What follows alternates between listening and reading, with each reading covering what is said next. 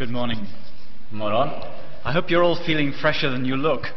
Jag hoppas att alla känner er mera, eh, ja, mera friska och fräscha än vad ni ser ut att göra. Otherwise, we're clearly in trouble. Annars så får vi problem kanske. In this session, I'd like to open up the question of a new creative apologetics. Eh, I den här sessionen så vill jag öppna upp eh, frågan om en ny skapande apologetik. One of the best read books in the Christian world, thanks to Reader's Digest, was Peace Child. En av de mest och bäst lästa böckerna i den kristna världen på sistone, tack vare Reader's Digest, var den här boken eh, Fredsbarnet. Some of you will remember the story of the Australian missionaries who went to the Stone Age tribe in West Irian Jaya. Eh, Ni kommer kanske ihåg den här berättelsen om eh, de australienska, ja, it was Australian? Australi, australiska missionärerna som reste, reste till den här eh, stamfolket på Irian Jaya, alltså på, eh, eh, Pap, inte Papua utan på Nya Guinea. The highest value of the tribe was treachery. Eh, det högsta värdet i den här stammen, det här, bland det här stamfolket, det var bedrägeriet. They had the custom of what they called fattening for friendship. De hade, ett, ett, eh, de hade en eh, sedvänja som de kallar för att eh, eh, göra fet för vänskapens skull. So you made your enemies think that you now appreciated them and liked them, and then you invited them for dinner and killed them and ate them.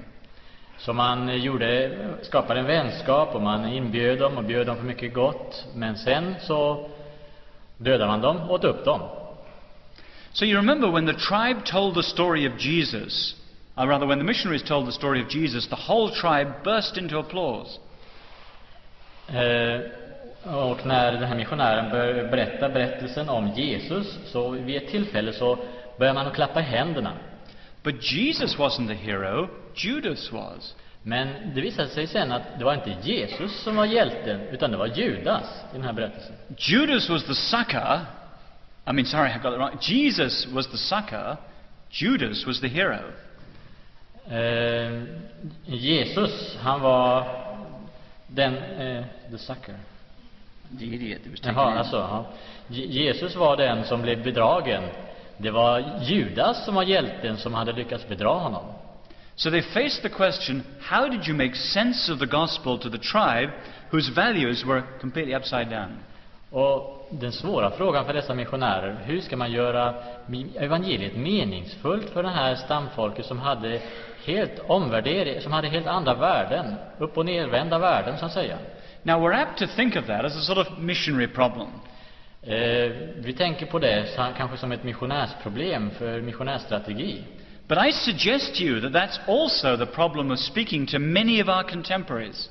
Men samma problem har vi idag när vi ska kommunicera evangeliet till våra, vår samtid. Modern secularism has left many of our contemporaries tone deaf to religion. Eh, Den moderna sekulariseringsprocessen har lämnat många av våra samtida liksom tondöva, döva för många toner i evangeliet. Modern relativism has made many of our contemporaries colorblind to religion. Modern relativism har gjort eh, många av våra samtida färgblinda. It's as strange and bizarre to many of them as the gospel was to those Stone Age people. Det är lika främmande och bisarrt som evangeliet var för det här stamfolket när de först mötte det. So the big question is how do you speak to people who are totally closed? Och min fråga är alltså då, hur kommunicerar man? Hur talar man till människor som är totalt stängda? That's the question I want to ask this morning. Och det är den fråga jag vill ställa den här morgonen. Let's start a long way from anything Christian with the novelist Norman Mailer. Låt oss starta långt bort från allt kristet med eh, eh, författaren Norman Mailer. As you probably know, Norman Mailer is hated by feminists. He's considered a champion chauvinist. Eh, som ni kanske har hört så är han, eh, Norman Mailer, hatad utav speciellt feminister för han är, anses som den av de största manschauvinisterna. A few years ago, he was speaking in Florida at university, and a huge group of feminists came out to jeer him. För några få år sedan så talade han i Florida vid ett, vid ett universitet och då kom det en stor skara utav feminister för att driva och gäck med honom. Norman Mailer saw them in the crowd. Och Norman Mailer han såg de här kvinnorna i, skar, i gruppen, i, bland åhörarna. He stepped forward to the microphone. He said, All right, all you women, boo now. Och så steg han fram till mikrofonen och så sa han all, all right, alla nu kvinnor där borta. Sätt igång och bua nu då. And they did for about five minutes. Och det gjorde de i ungefär fem minuter. But inevitably, the booing died down. Men eh, så småningom så, utan tvivel, så dog ju det här buandet ut. And Mailer stepped back to the microphone and said, Och så steg då Norman Mailer fram till mikrofonen igen och sa Didn't I tell you, you obedient little women? Sa jag inte det till er, ni små lydiga små kvinnor? And after that, they listened to him in very respectful, total silence. efter det så lyssnar de till med i en respekterande och total tystnad. Respektfull och total tystnad. Now, Norman Mailer is not a paradigm of Christian communication. Eh, Norman Mailer är inget mönster för kristen kommunikation. But I would suggest to you that the way he communicated is closer to the scriptures than much of our communication. Men det sätt på vilket han kommunicerade är närmare skriften än vårt, vårt sätt att kommunicera ofta som kristna idag. Notice I'm saying not what he communicated, you women, but the way he communicated. Inte vad han kommunicerade, om ni kvinnor skulle tänka det, utan eh, på det sätt som han eh, utförde sin kommunikation. Take the story of Micaiah in 1 Kings 22. Ta historien om, om den eh, profeten Mika i, i, eh, i, eh, jo- 1 i Kings 22. Första Konungabokens 22, alltså den mindre profeten Mika. Ahab and Jehoshaphat were going out to battle, Ahab och jo, jo, Josafat skulle ut och strida tillsammans. and all the prophets who were false said that they would win, attack and win. Och alla de falska profeterna försökte bolstra upp dem och sa attackera, ni kommer att vinna. But Jehoshaphat said, Isn't there another prophet of the Lord? Men Josafat sa, finns det inte någon annan Herrens profet bland oss? And Ahab said, There's one other, but he's always negative about me. Men det, det finns en, men han är alltid negativ i sina uttalanden om mig. But they send for Micaiah. Men de kallade på honom. Now, you imagine if you're Micaiah and you have to come on in that situation.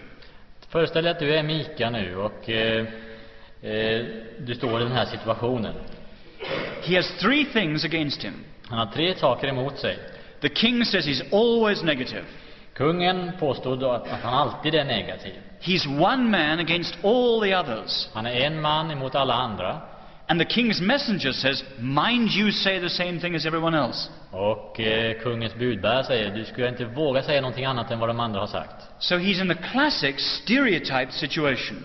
Och han är i en klassisk, ganska stereotyp situation. But you notice what Micaiah does. Men eh, kanske har lagt märke till vad han gör? He Mika? comes, he comes on and he says exactly the same thing as everyone else. Han eh, sätter igång och säger precis samma sak som allihopa, an- alla de andra. Like the false prophets, he says, attack and win. Precis som de falska profeterna säger han, attackera så ska du vinna.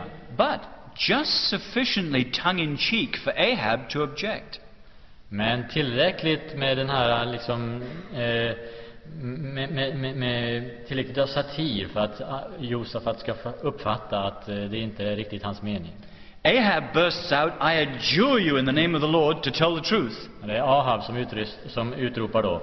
Jag, jag ber dig vid Herren, tala sanning, säger han till honom. So Micaiah does. Och det gör Mika. He drops the foolery and tells the truth. Han slutar och, driva med kungen och så säger han sanningen istället. And you can see that Ahab has walked on to the end of a right hook, just as clearly as the feminists walked on to Norman Mailer's. Och där ser man att eh, Ahab alltså blir på sätt och vis uppkrokad där utav Mika och eh, precis som de här eh, feministerna blev utav Norman Mailer. If you look in the scripture, Om ni ser i skriften, from the humblest pun up to drama and jests like that, från det enklaste skämtet till ett, sån här dramatisk, eh, eh, dramatiskt eh, eh, eh, gyckleri som det här var, som vi har talat om när det gäller Mika. you'll see there's a type of dynamic communication Så, så lägger vi märke till det här dynamiska sättet att kommunicera. which is like a joke in the sense that it turns on a discrepancy. Så är det som ett, ett skämt som liksom eh, eh, drar nytta utav motsägelsefullheten. An expectation is slowly built up in one direction, En förväntning byggs sakta upp i en riktning And suddenly an effect is brought about in another direction through the punchline. Och plötsligt så byggs det upp en effekt i helt andra riktning just genom att man vänder på bladet, så att säga. So what you have is a kind of subversion through surprise. Och vad man har alltså att man vänder upp och ner på allting genom en överraskning. The punchline brings a switch of frameworks. Det här att man vänder på bladet gör att man byter helt och hållet eh, eh, eh, ramen för synsättet kan man säga. It reverses the old way of seeing things Det vänder upp och ner på det gamla sättet att se på saker och ting. And reveals a new way of seeing things. Och uppenbarar ett nytt sätt att se på saker och ting. And it's always used in Scripture when minds are closed. Och det, används, det här sättet används alltid när sinnen är stängda för evangeliet. And this is what I'd like to talk about today creative apologetics as a kind of fool making. Och det är det jag vill tala om idag. Eh, skapande apologetik såsom ett sätt att driva med människor, så att säga. Eller att, eh, eh, en slags dårskap. We'll look at three particular prob- uh, areas. Three areas. Vi ska titta på tre områden. First of all, the problem we face today. Först av allt, det problem som vi står inför idag. Secondly, a precedent in Christian history which shows us a better way. Eh, och sen för det andra, ett exempel i den kristna historien som visar oss på ett bättre sätt. And thirdly, the possibility of rediscovering this again today. Och för det tredje, att återupptäcka idag och använda oss utav det idag igen. But let's begin with the problem. Och låt oss börja nu med själva problemet. As I said in the discussion last night, Som jag sa i eh, diskussionen igår kväll, 99% of Christian communication is directed at only 1% of our population. så riktas 99 procent utav den kristna kommunikationen till 1 procent utav den totala befolkningen. In other words, if you analyze our witnessing and our apologetics, Om man analyserar vårt vittnande och vår apologetik, from the simplest tract up to the most sophisticated book, från den enklaste traktat till den mest sofistikerade bok, including all the television and the face to face talking, innefattat all television och andra massmedia och till man-till-man-evangelisationen, så att säga. you'll see that most of it assumes that people are open enough, or interested enough, or needy enough. Så förutsätter det mesta att människor är tillräckligt öppna, tillräckligt, har tillräckligt stora behov, tillräckligt mycket sökare. And if they're not open, interested, or needy, our evangelism and apologetics has almost nothing to say. Och om de inte är tillräckligt öppna, intresserade och har tillräckligt stora behov så har vår evangelisation inte så värst mycket att säga.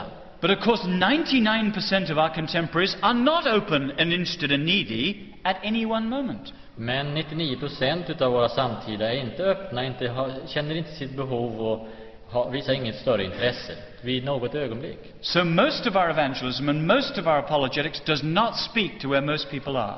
Så mest utav vår evangelisation, mest utav ap- apologetik talar inte till människor där, på den, den, där de står i verkligheten. Let me give you some simple examples. Låt mig ge dig några enkla exempel. You know the new electronic evangelism, television evangelists. Du kanske känner till den här elektroniska evangelisationen eller den så kallade elektroniska kyrkan och så vidare. One of their biggest ways of bringing in money is saying, Give us the money and we will reach the unchurched, the unsaved. Eh, det- vanligaste sättet som de eh, framför, sitt eh, framför sin, propaganda, ja, sin budskap på, det är detta att ge oss pengarna så ska vi nå de onådda, så att säga. Now, I imagine that most of them are quite sincere about that. De allra flesta är ju ganska övertygade om detta. But the facts show that television evangelism reaches almost no one who's outside the broad ranges of the church. Men undersökningar har visat att, att eh, evangelisation via TV når nästan ingen utanför de stora, eh, så att säga, eh, de, de områden som kyrkan redan påverkar, de människor som kyrkan redan påverkar, som befinner sig inom sfären av kyrkans påverkan. The illusion created is that with television we reach the outsider, but that's an illusion. En illusion skapas att genom television så kommer vi nå den som är helt utanför, men det är alltså en ren illusion.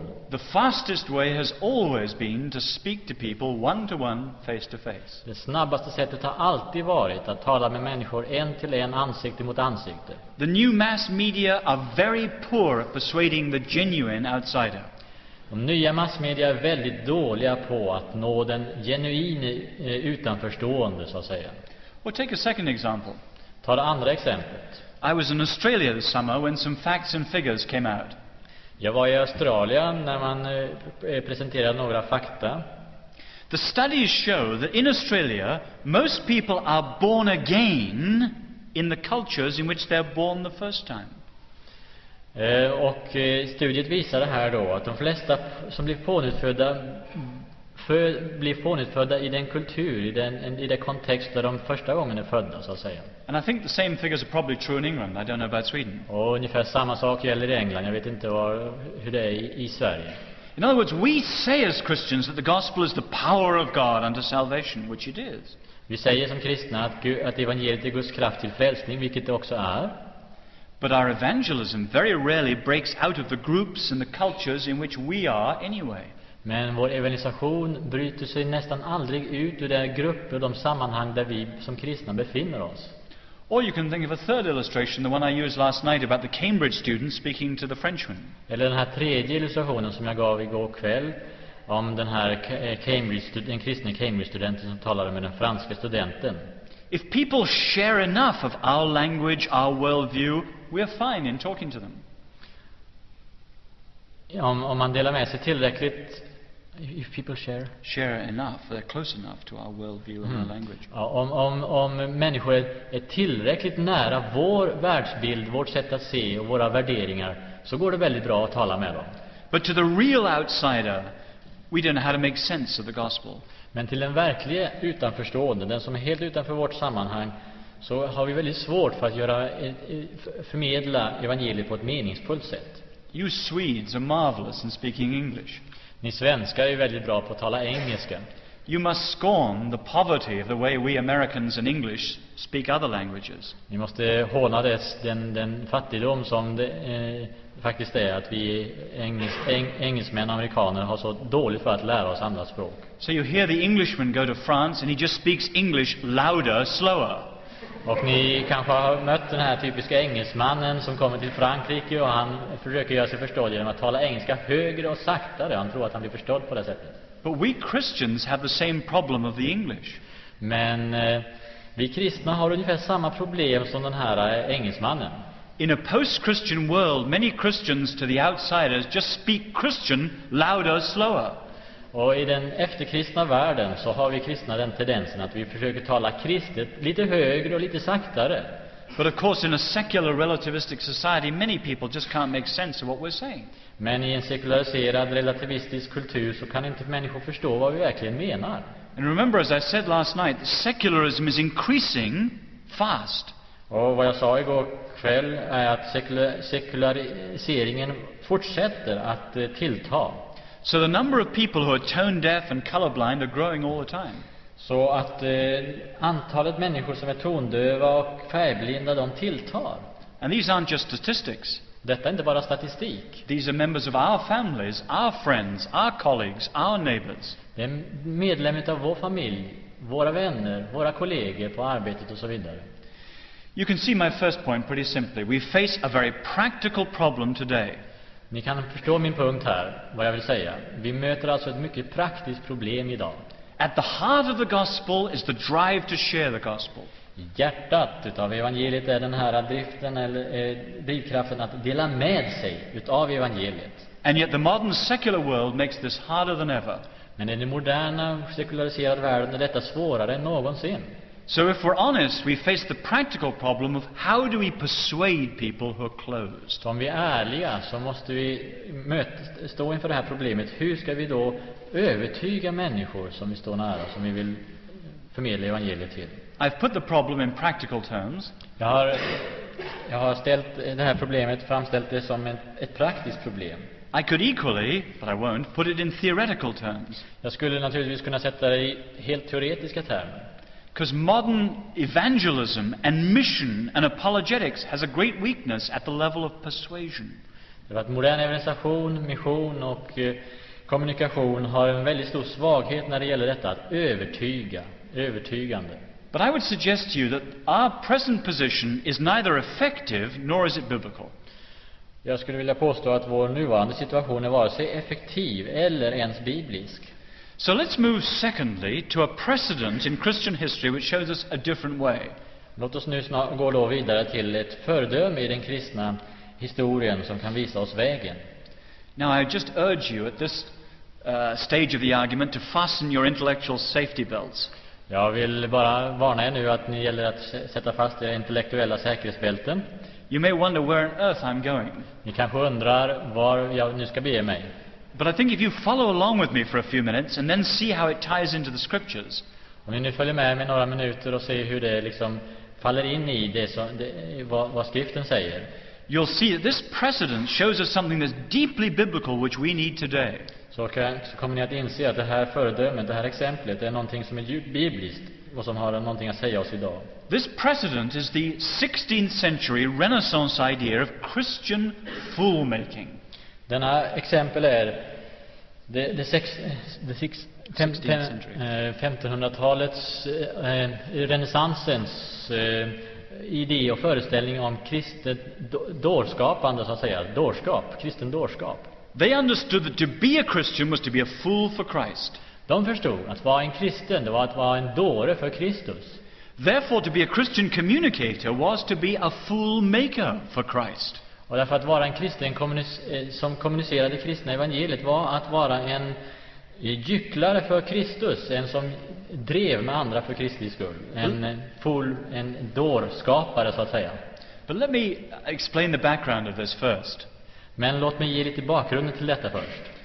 There was a double background to their understanding of the fool, which was partly social and partly historical. Det finns en dubbel bakgrund till det här i deras förståelse av dåren som har en eh, dels eh, so social, partly social, partly, Historical. part, dels historisk bakgrund.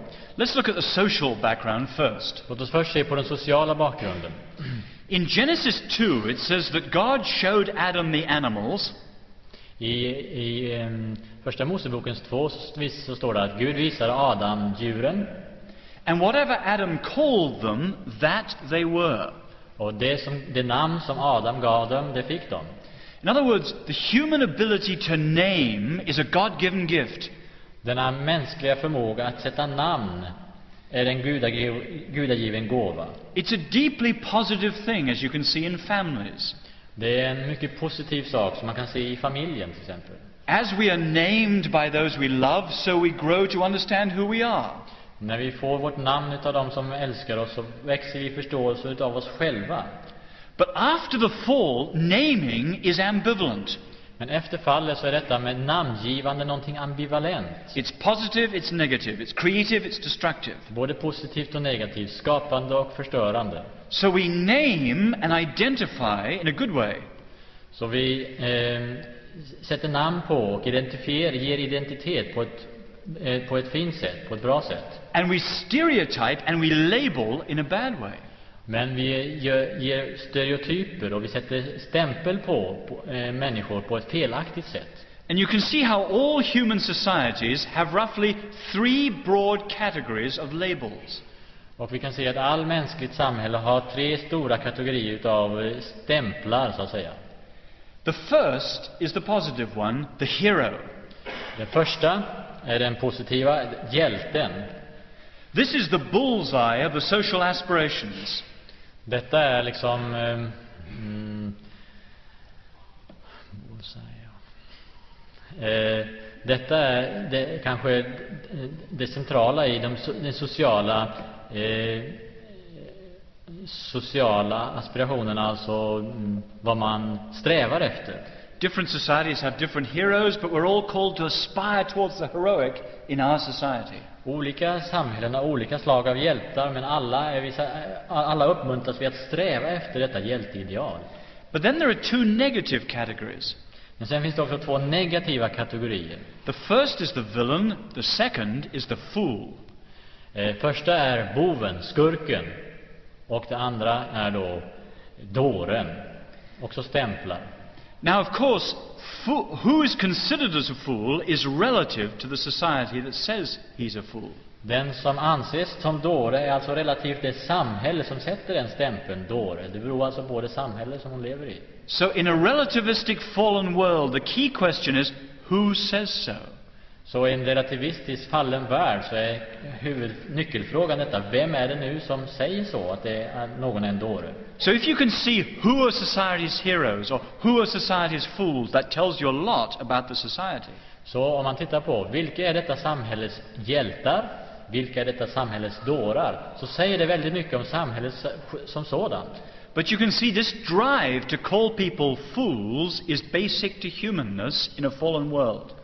Denna strävan att kalla människor för dårar är, är grundläggande för mänskligheten, så att säga, i en, i en fallen värld. That's the social context. Let's look at the historical context. Detta är det sociala sammanhanget. Låt oss nu titta på det historiska. At the time of the Renaissance, no Christian wanted to have anything to do with jesters, jugglers, and fools. Eh, vid renässansperioden så ville ingen kristen ha någonting att göra med gycklare, clowner och dårar, så att säga. It had the same connotations today as running a pornography shop. Det hade samma eh, innehåll, betydelseinnehåll som, att, som eh, detta att driva en pornografi klubb eller något sånt där. It was the last thing you expected of Christians, so why did these Christians use that idea in their communication? Det var det sista man kunde förvänta av en kristen att göra, så varför använder man då i renässansens denna idé, denna föreställning om dåren? Well, historically, there were three strands that flowed in to explain. Historiskt var det tre stycken eh, eh, riktningar som liksom föll samman här. The first type of fool in Europe was what we might call the common fool. Den första typen av eh, dåre i Europa då var den eh, som man kan säga vanlige, helt vanlige dåren. The English word fool, and I don't know what your Swedish word is, comes from the Latin word for bellows. Det engelska ordet eh, dåre kommer från det latinska ordet eh, buk. Because the you got bellows for fire. Jaha, jag sa, jaha, bellows, just det jag tänkte på. Eh, bellos alltså från, från eh, eh, latinska ordet för eh, eh, blåsbälg. Because the fool was the person whose head was as empty as a pair of bellows. Därför att en dåre var en som hade ett huvud som var lika tomt som en blåsbälg. And remember, they had no mental hospitals. Och kom ihåg, de hade inga mentalsjukhus då. So the fool or the handicapped person was a common person seen everywhere in society. Så dåren, eller den handikappade personen, den som hade alltså psykiska problem och så vidare. Det var en sån som man såg väldigt, som var vanlig i samhället och rörde sig i samhället. But the key thing was that because the fool couldn't be educated, he was allowed to get away with social murder. Ja, därför att en dåre inte kunde eh, utbildas så kunde, så he was allowed to get away with faux pas and all sorts of things, socially Så kunde man alltså acceptera hans beteende ända till till exempel att han kunde mörda och så vidare. Det var ett accepterat beteende. He didn't appreciate etiquette, so the fool could say the wrong thing to the high and mighty and so on. En dåre behövde inte följa etiketterna, lagarna, principerna och reglerna för samlevnad, utan han kunde säga och bete sig lite annorlunda. Out of that grew the second strand of fooling, what was called the clever fool. Eh, utifrån detta så kom det andra riktningen i vad man i detta beteck, beteckningen dår. Den, eh, den, eh, den alltså ja, den eh, smarte dåren så att säga. The clever fool was simply the person who thought the common fool was onto a good thing. Den smarte dåren var den som såg att den vanliga dåren hade, hade en, en kunde, hade en, en, en förmån, så att säga, som inte vanliga människor hade. So the clever fool played the fool and he offended the high and mighty. Så att den smarte dåren, han spelade dåre för att förolämpa de som ansågs som högstående och som var smarta, så att säga, i samhället. And if the high and mighty didn't like it, he would say, well, I'm just a fool. Så eh, om den hö höga och mäktige inte tyckte om det så kunde han bara liksom nedlåtande säga det där är ju bara en dåre. So in the, in the, in the medieval world there was an explosion of jesting. Så i den medeltida världen så fanns det en explosion utav gycklande. But there was a third strand too historically. Men det finns en tredje riktning historiskt sett. And that was the controversial fool. Och det var den här kontroversiella dåren så att säga. Because fooling for the Christian was tied into pagan notions of madness and inspiration. För det här med dårskap var eh, förbands med eh, den hedniska föreställningen om, om eh, dårskap som en slags inspiration i religionen. And you could see this particularly in the so-called Feast of Fools. Det kunde man särskilt se i dårarnas, i den här föreställningen om dårarnas fest. You know that once a year, at the high point of the Mass, the whole structure was turned upside down. En gång om året, vid mässans höjdpunkt, så vändes allting upp och ner.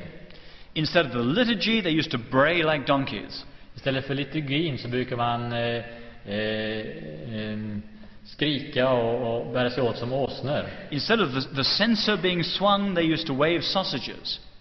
Och istället för att eh, eh, svinga rökelsekaren så, så svingade man korvar. And once a year, for one week, there was a, an annual eruption of an upside down morality. Och en gång om året, en vecka, så vänder man upp och ner på den vanliga moralen och synsätten, så att säga. So that there were bawdy songs and there was immoral sexual relations and so on. Så man sjöng en massa sådana gyckelvisor och levde omoraliskt och släppte lös helt enkelt en karnevalstämning. And this was the Feast of Fools, and the church took a long time to stamp it out. Och det här var alltså dårarnas fest och kyr- kyrkan fick, hade lång tid på sig, fick lång tid på sig för att försöka stampa bort eller stampa ut det här. So you can see how, why those who loved the gospel didn't want to have anything to do with that sort of fooling. Så man kan förstå att de som älskade evangeliet inte ville ha någonting att göra med den här typen av dårskap. But that was where you had this brilliant introduction of Christian foolmaking.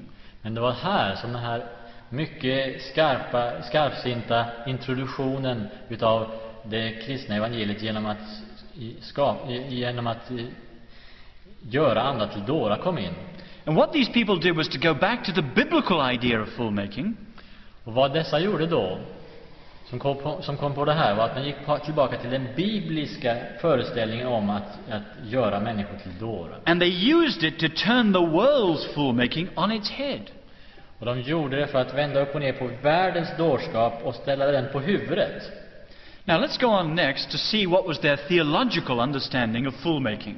Låt oss då titta på deras teologiska förståelse utav detta, utav att eh, vara dårskapande, så att säga. As they saw it as Christians, there were three types of fool from a Christian perspective. Från ett kristet perspektiv så såg de att det fanns tre typer utav dårar. The first fool is the fool proper.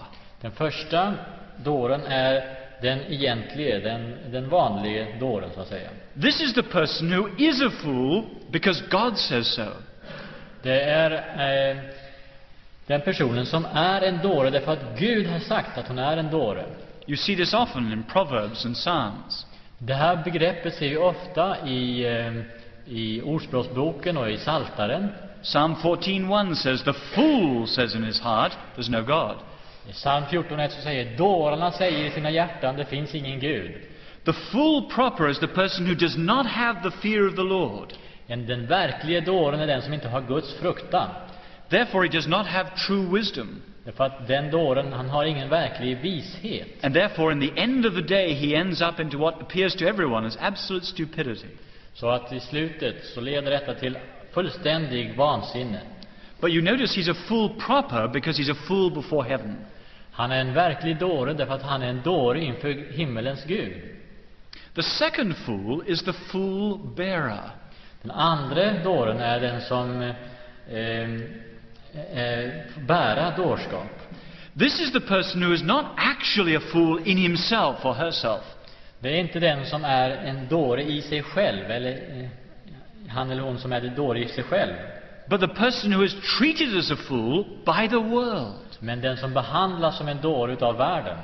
In other words, the person who is a fool to the world because of faithfulness to Christ. Den som är en dåre för världen på grund av, på grund av trohet till Kristus. In other words, the person who is the fool for Christ. Den som är alltså en dåre för Kristus. Now, that word is actually in 1 Corinthians 4.10. Det ordet, själva ordet dåre för Kristus, det kan läsa i första Korinthierbrevets tionde kapitel. Paul says to the Corinthians, You are such sensible Christians, but we are fools for Christ. Paulus säger ni är sådana förnuftiga kristna, men, men vi är dårar för Kristi skull. Notice he's not a fool proper. He's not actually a fool. Han är ingen verklig dåre. It's only because the Corinthians are so stupid that they think he's a fool. Det är bara för att korintierna är så dumma som de tror att han är en dåre. So he's prepared to be seen and treated as a fool for Christ's sake, although he isn't really. Fast, och så är han alltså redo att bli sedd som en dåre för Kristus fast han inte verkligen är en dåre. Now, the idea, of course, is much older than Paul. Men den här idén är naturligtvis äldre än Paulus. You can see David. Man kan se till exempel David i Gamla Testamentet. In his joy before the Lord in his dancing, his own wife called him a fool. I sin glädje inför Herren, han dansar framför allt för arken, så ansåg hans fru honom som en dåre. Or you can think of Jeremiah, who became a laughing stock to his generation out of faithfulness to Christ. Eh, eller Jeremia som skrattades åt utav sin, som skrattades över i sin generation för Kristi skull. But if we can say it reverently, Christ himself is God's own fool. Och om vi säger det på ett eh, respektfullt sätt så är Jesus Kristus själv Guds egen dåre. And you see it supremely at his mock trial with the crown of thorns and the scepter. Och det ser man klart och tydligt i just hans, vid rättegången mot Kristus när man hånar och begabbade honom. The Roman soldiers literally made him a joke king.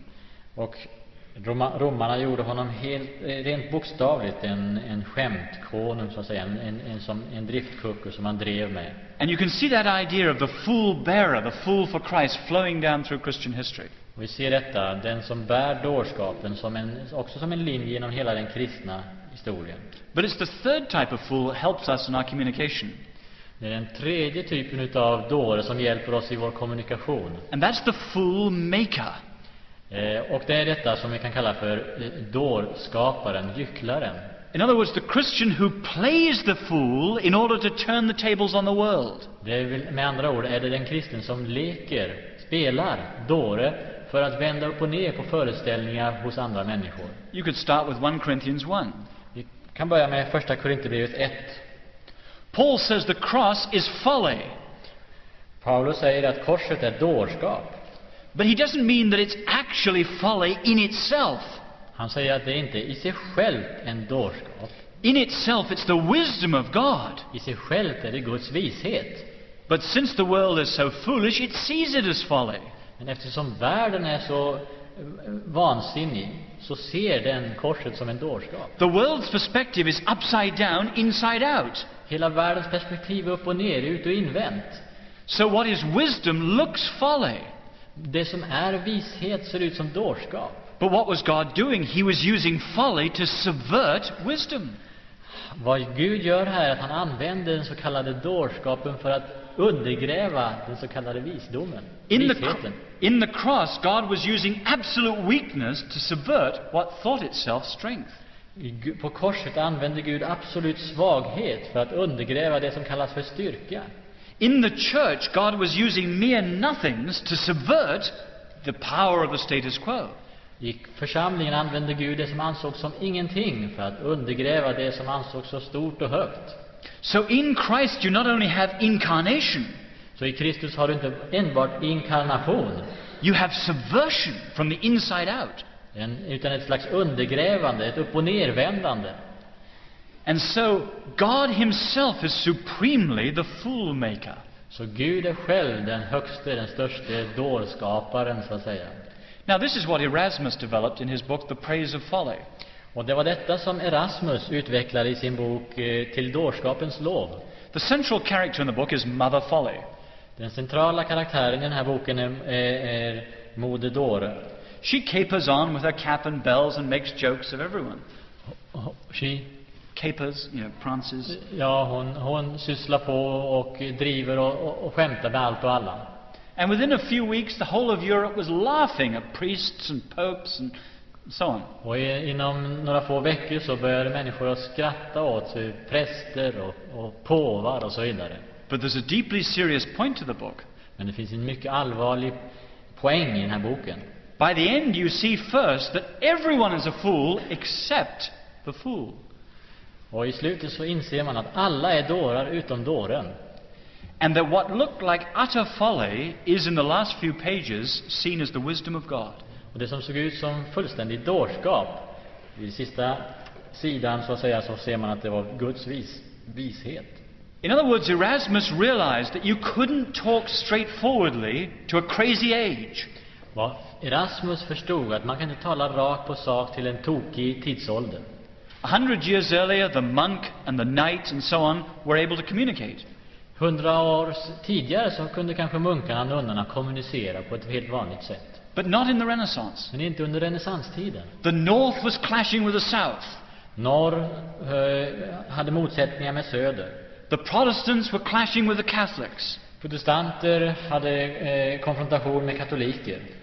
The traditional knowledge was clashing with the classic, uh, with the new knowledge. Traditionell kunskap eh, konfronteras med, med ny kunskap. As Shakespeare put it, truth and goodness to the vile seemed vile. Så sa Shakespeare så här att sanning och godhet syntes som ondska för de onda. It was a topsy-turvy world in which straight communication made no sense. Det var en upp och nervänd värld där rak kommunikation inte betydde någonting. But you see, the jester did make sense. Men gycklaren hade, eh, kunde skapa mening. Because he got inside the crazy world and turned it inside out. Därför att han kom in i denna tokiga värld och vände ut och in på den.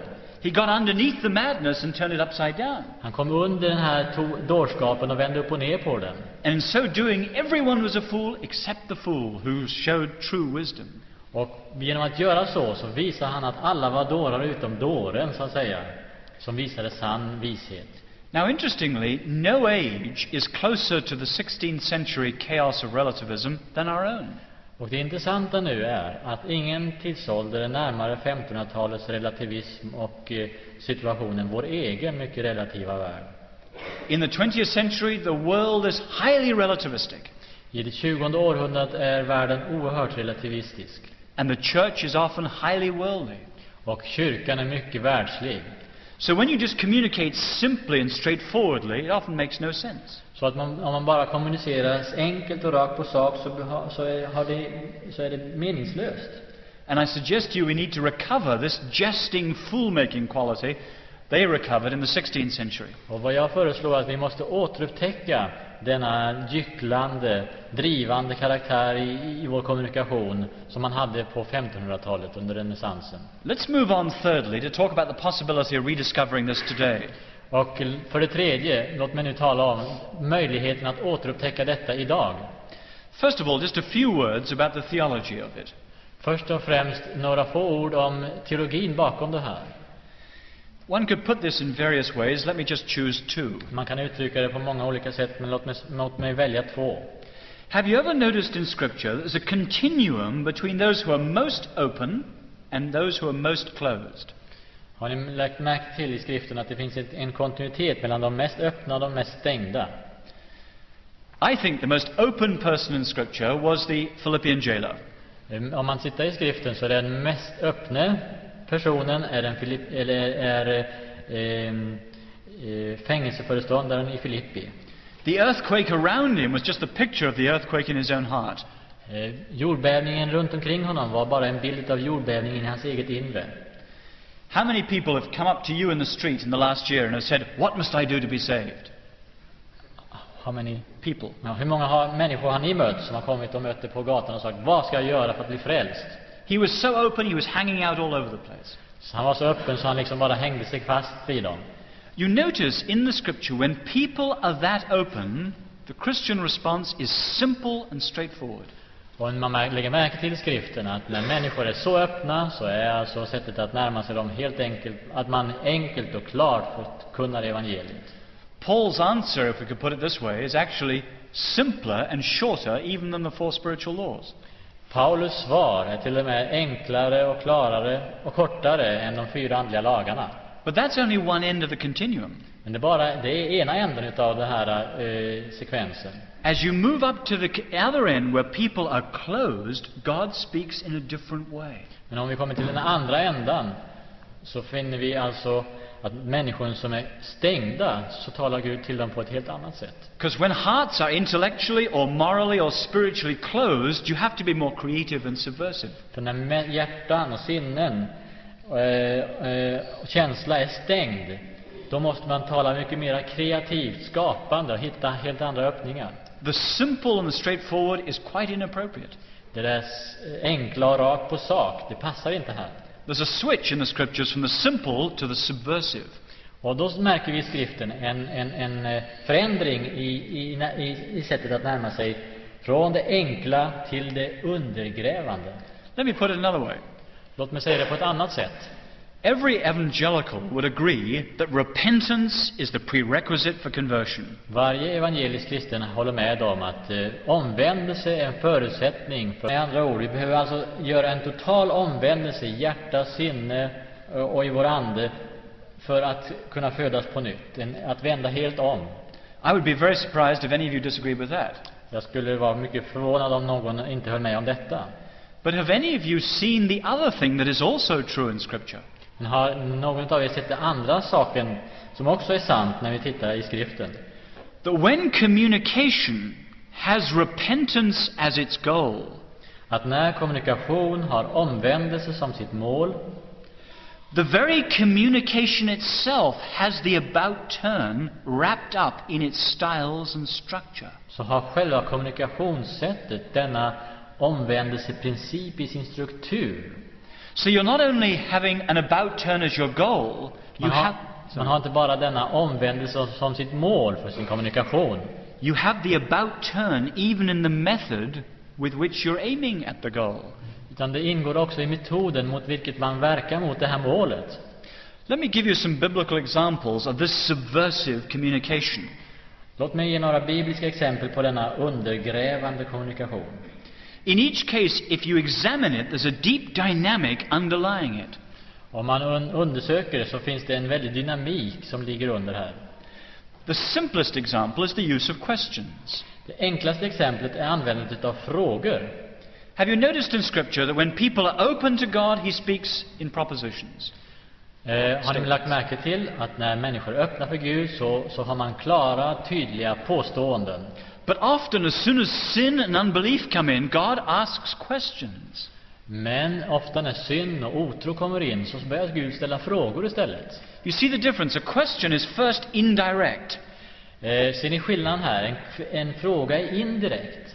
and secondly, it's involving. You have to get into it and follow along. Och för det andra så är det engagerande. Man måste själv gå in i det hela och följa med. An unbeliever is like an elephant going round in a zoo, round the circle of his presuppositions. En otroende är som en elefant som går in i, i, på en zoologisk trädgård runt eh, längs stängslet i sina egna, eh, eh, av sina egna förutsättningar, sin Så- världsbild så att säga. Often a statement just sort of bounces off. Och ett påstående, eh, en, en, en, en, en, en sats som har ett påstående i sig bara studsar iväg. But a question is subversive because it challenges a new entry point into the circle. Men en fråga är undergrävande för den ger en ny öppning i den här cirkeln, en öppningspunkt i den här cirkeln. And therefore, it increases the possibility of a new exit point from the circle. Och därför så, för, så antyder det en ny utgång ut ur denna cirkelgång så att säga för den här icke-troende. So, God's first response to Adam and Eve, a series of questions. Så Guds första gensvar till Adam och Eva var en serie utav frågor, frågeställningar. God's answer to Job when his doubt led him to blasphemy, more than 50 questions in a row. Guds svar till Job, Job när han eh, nästan hädade Gud var att ställa en slags, eh, eh, mer än 50 frågor till honom. Jesus' tactic with skeptics, questions. Jesu taktik med skeptiker var att ställa frågor. God was a gadfly long before Socrates invented the method. Eh, Gud var en... Mm, gadfly. You know, Socratic gadfly. Eh, we'll just say God was Socratic long before. Jaha. Eh, Gud använde den här sokratiska metoden, alltså att, att, att föda, föda fram genom frågor, långt före Sokra, Sokrates fanns. So I just ask you, are you a questioning type of evangelist or merely an answer giving type? Eh, Så min fråga är, är du en, en, en frågeställare, typ av evangelist? En, en, typ, en evangelist som ställer frågor eller en som alltid har klara och tydliga svar? Most of us are good at bringing the comfort of the gospel when what the outsider needs is the discomfort of the questions first. Många utav oss har, kan komma med evangeliets tröst, men vad de allra flesta behöver är eh, att störas utav evangeliets frågor. Well, take a second biblical example the use of parables. Eh, låt oss ta det andra exemplet, de bibliska liknelserna. Again, the parable is indirect and involving, and it's also imaginative. Eh, återigen så är liknelserna indirekta och de är engagerande än det är. Imaginative. Och de, eh, ska, de eh, eh, fantasifulla. Take, for example, Nathan's parable to David. Ta till exempel eh, Natans liknelse till David, kung If, David. If Nathan had gone in to David and said, You're a murderer, you're an adulterer, he would have been thrown out. Om Natan hade gått rakt in till David och sagt du är en mördare och en äktenskapsbrytare så hade han blivit utslängd med en gång. But his parable is creative and subversive brilliantly. Men hans eh, liknelse där är på ett briljant sätt eh, skapande och undergrävande. He appeals to David the lawmaker. There was a certain man, so on. Och, och han, tilltalar alltså David där så, och började med det var, fanns en gång en man och så vidare. And David gets into the story and is involved, and he says, The man who does this deserves to die. Och när David blir engagerad i den här liknelsen och säger att den man som handlar på det här sättet, han måste dö. In other words, the whole expectation is built up one way. Hela förväntningen byggs upp på ett, åt, åt ett håll, så att säga, i, i liknelsen. And suddenly David says, You're the man. Och plötsligt så säger Natan till honom, vänder upp på alltihopa och säger det är du som är den mannen. And the effect is just to bring it all the other way. Och resultatet blir att han liksom helt och hållet vänder på bladet och riktar det mot honom. And the last thing David was aware of becomes the first thing in the center of his mind. Och det sista som David kunde tänka sig blir nu det första som faller in i hans tänkande, i hans sinne. But not only does David repent, as we see in Psalm 51, Inte bara, följden blev inte bara att David ångrade sig, gjorde bättring, som vi läser i psalm 51. the parable has the structures of repentance coiled up inside it. Utan själva liknelsen har omvändelsestrukturen in sig, in, in, inbegripet i sig själv. We'll take a third biblical example, the use of ploys. Eller tar det här tredje bibliska exemplet, användandet av plojor. Ja. Dramatic object lessons. En, en dramatisk, eh, em, dramat, en dramatisk, eh, vad heter det nu, object lesson, alltså när man använder mm.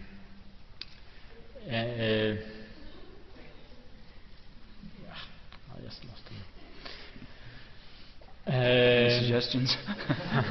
dramatisk, en sån här, ett, ett sätt att or just drama would be right. ja, ett, ett, en slags drama då. For example, have you ever looked at Jeremiah 35? Har ni tittat på Jeremia 35? Jeremiah brings on the teetotalers and says, Come to my sherry party. Eh, Jeremia kallar på alla absolutister och säger kom till mitt, eh, min, min, min drinkafest eller något sånt där. Now, if you read the story carefully, it's a brilliant, brilliant strategy. Det, om ni läser hela historien så är det en briljant, en, en, en superb strategi. Because obviously, all the other people were watching through the windows or around the pillars or whatever. Ja, man kan ju liksom, liksom tänka sig hur människor tittar, stod där bakom pelarna och, och, och, och pejlade in det hela. You can see the tension. Man kan se den här spänningen som, befin, som eh, i, i det hela. Doesn't Jeremiah the prophet know that these fundamentalists don't drink? Förstår inte Jeremia, profeten, dessa fundamentalister och absolutister inte dricker? Or, you could put it the other way, what will these fundamentalists do when the Lord's prophet tells them to drink?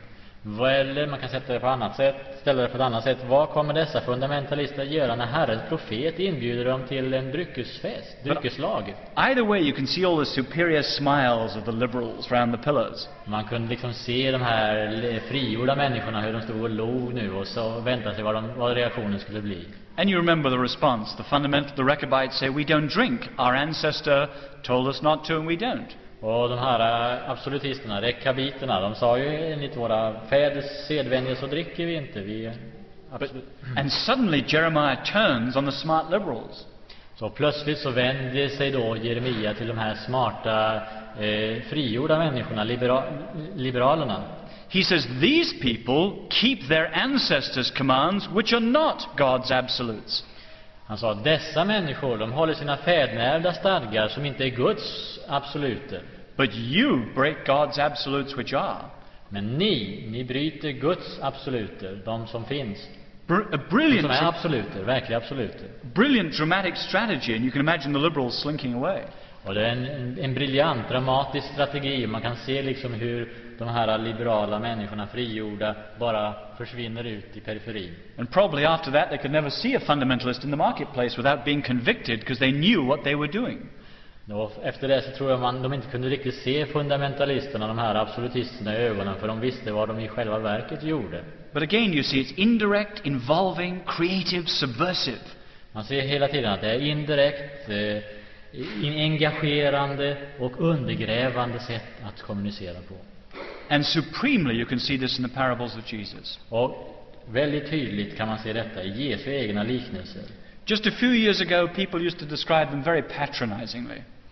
Eh, För några år sedan så brukar man tala om Jesu liknelse på ett förakt, nästan lite föraktfullt sätt, nedlåtande sätt. Jesus, you know, told these little stories to these country people who were rather simple. Jesus som berättar dessa små, dessa enkla historier för den här enkla lantbygdsbefolkningen liksom. But we modern, educated Western people, you know, we can talk abstractly. We don't need these little tales. Men vi moderna utbildade västerlänningar, vi behöver inte de här små sagorna och berättelserna. The best modern philosophy understands the parables of Jesus are some of the most brilliant communication the world's ever seen. Den bästa moderna filosofin idag förstår att dessa små, dessa liknelser utav Jesus är det bästa, eh, finaste exemplen på just eh, en, typ av mänsklig kommunikation som Do you see in the, in the scripture, the story doesn't illustrate the truth, the story is the truth. I skriften så illustrerar inte själva berättelsen sanningen, utan berättelsen är sanningen. Now, this sort of approach has almost died out in evangelism and apologetics. Detta sättet att närma sig och kommunicera har nästan helt dött ut i apologetik och evangelisation idag. In the English speaking world, one of the people who's kept it alive best is G.K. Chesterton. I den engelsktalande världen är den som har uppehållit det här bäst är G.K. Chesterton. He constantly used to use jokes and incongruity and irony to make people see things freshly. Han använder hela tiden skämt, eh, självmotsägelser, motsättningar, gyckel, ironi för att eh, få människor att inse saker och ting. As he said, the problem was the Englishman knew the gospel too well, so he didn't know it. Han insåg att problemet var att engelsmännen kände evangeliet allt för väl, så, till, så att säga, och därför inte egentligen visste vad det var. So you had to subvert them by putting things in a fresh and surprising way to get them to see it. De måste undergräva dem, så att säga, överraska dem genom att sätta, framställa det hela på ett överraskande sätt, få dem att tänka till. And Chesterton's approach was picked up by Tolkien, Och Chestertons sätt att eh, kommunicera eh, togs upp utav Tolkien, who was the man who handed it on to C.S. Lewis, och som var den mannen som också påverkade C.S. Lewis, who used it, of course, in his what he called Mythopoeia. som använde sig utav det i sin serie utav mytiska berättelser. And he saw this approach as just as powerful, if not more powerful, than the normal way of arguing. Och han såg detta som lika kraftigt och starkt sätt att kommunicera, eller bättre än det vanliga sättet att kommunicera evangeliet på. Now, there are all sorts of questions I know I haven't handled. We haven't time. Det finns en massa frågor här som jag inte har tagit itu med, därför att jag inte har haft tid med det. One question is, must be in your minds, surely this seems all too much a matter of education and sophistication. Eh, En fråga som ni troligtvis har i sinnet är, det här verkar ju en fråga om alldeles för mycket sofistikation, för mycket utbildning. Det kräver så mycket. The answer, surprisingly, is the opposite is the case. Eh, Men mitt svar är att eh, motsatsen är, ligger istället för handen. Usually, the more sophisticated your apologetics is, the worse you are at doing this. Vanligtvis så är det istället så att ju mer sofistikerat din apologetik eller ditt sätt att kommunicera är, ju, the more, The worse you are at doing this. så eh, ju, ju sämre är du på att, att, be, att eh, kommunicera på det här sättet, alltså med, på ett undergrävande sätt. Western philosophy and science is so prosaic, it squeezes this imaginative approach out of you. Västerländsk vetenskap och filosofi och så vidare är så prosaisk eh, så att eh, det, det, det kväver det här mycket skapande sättet att kommunicera. And in the church today, often the best jesters for Christ are those who haven't been spoiled by education. Så i Kristi kyrka idag så är de bästa gycklarna för Kristus de som inte har blivit förstörda genom vår moderna västerländska utbildning, så att säga. Or they're people like C.S. Lewis who tried the other approach and realized it didn't work by itself and needed to discover a, a better way. Eller så är de sådana som C.S. Lewis som verkligen försökt och skrev flera böcker om detta sättet att, mera raka sättet att kommunicera evangeliet, men fann att det var inte effektivt och prövade ett annat sätt. Another objection you might have is surely this sounds like manipulation. En annan eh, eh, fråga som du kanske får, en, eh, en eh, invändning som du har, är att detta är ju ett sätt att manipulera. But again, do you see the answer is quite the opposite. Men mitt svar är, det förhåller sig på motsatt sätt. Much evangelism and much normal apologetics is highly manipulative. Mycket av evangelisation och mycket av normal apologetik är väldigt manipulerande. Because by force of personality or by force of argument, you're playing a chess game and bringing someone to conversion. Därför att genom din starka personlighet eller genom ditt argument så försöker du tvinga en person genom argument att, eh, och genom ett slags schackspel att eh, komma till en övertygelse. And some of the new evangelistic methodologies are immoral in their manipulation. Och många av de moderna eh, massmedieorganisationerna speciellt är omoraliska i sitt sätt att manipulera människor. But you see why this approach isn't. Men du kan kanske förstå att det här sättet att närma sig inte är på det sättet. The answers are not given. Därför att man ger inte svaren. No one comes to any conclusion that they don't reach for themselves. Ingen kommer till en slutsats som de inte själva når fram till. If David hadn't been a murderer and adulterer, he would have just said, So what? Om David inte hade varit en äktenskapsbrytare och en mördare så hade han bara sagt nå, och vad har det med mig att göra? Jesus didn't give footnotes to his parable. Jesus gav inga eh, eh, eh, fotnötter så att säga, alltså und, vad kallar man det? Ja. Till, till sina eh, liknelser, några förklaringar alltså, förklarande noter till sina Jesus, liknelser. did, Jesus didn't say, All right, you scribes and Pharisees at the back, I'm talking about you now. Han sa inte till fariseerna, eh, okej nu, nu ska ni vara, hänga med här, nu talar jag om er, fariseer och skriftlärda.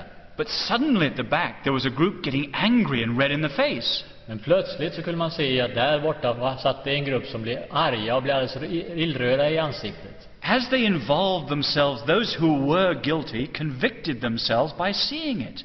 När de blev allt mer engagerade Jesus sa, så övertygade de sig själva genom att eh, se att Jesus talade om dem, inse det själva.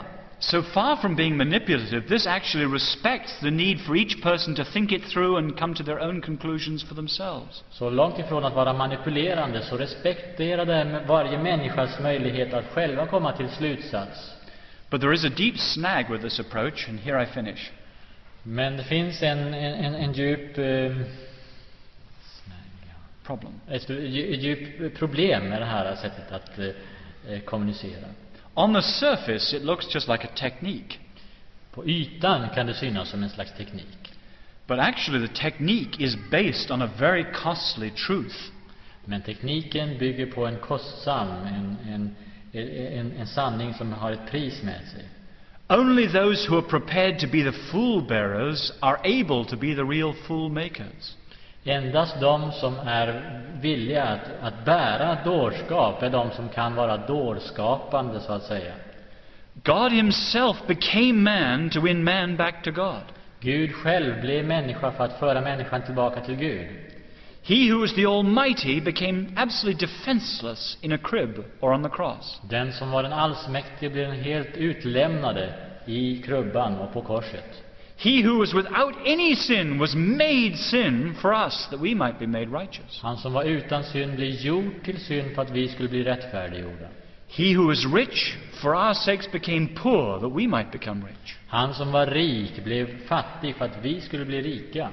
He who himself is wisdom became utter folly to bring men back to their senses. Han som är visheten själv blir en dåre för att föra oss tillbaka till vår, våra sinnes fulla bruk, så att säga. And it's only as you're prepared to follow the logic of the incarnation Och det är bara om du är villig att följa logiken utav in, eh, följderna, konsekvensen utav inkarnationen, which will mean being made fools for Christ, vilket betyder att bli en dåre för Kristus, that we're able to become the fool makers for Christ. så kan vi bli dårskapande, gycklarna för Kristus. Now, just think of this as you go home. Tänk på det nu när du går hem.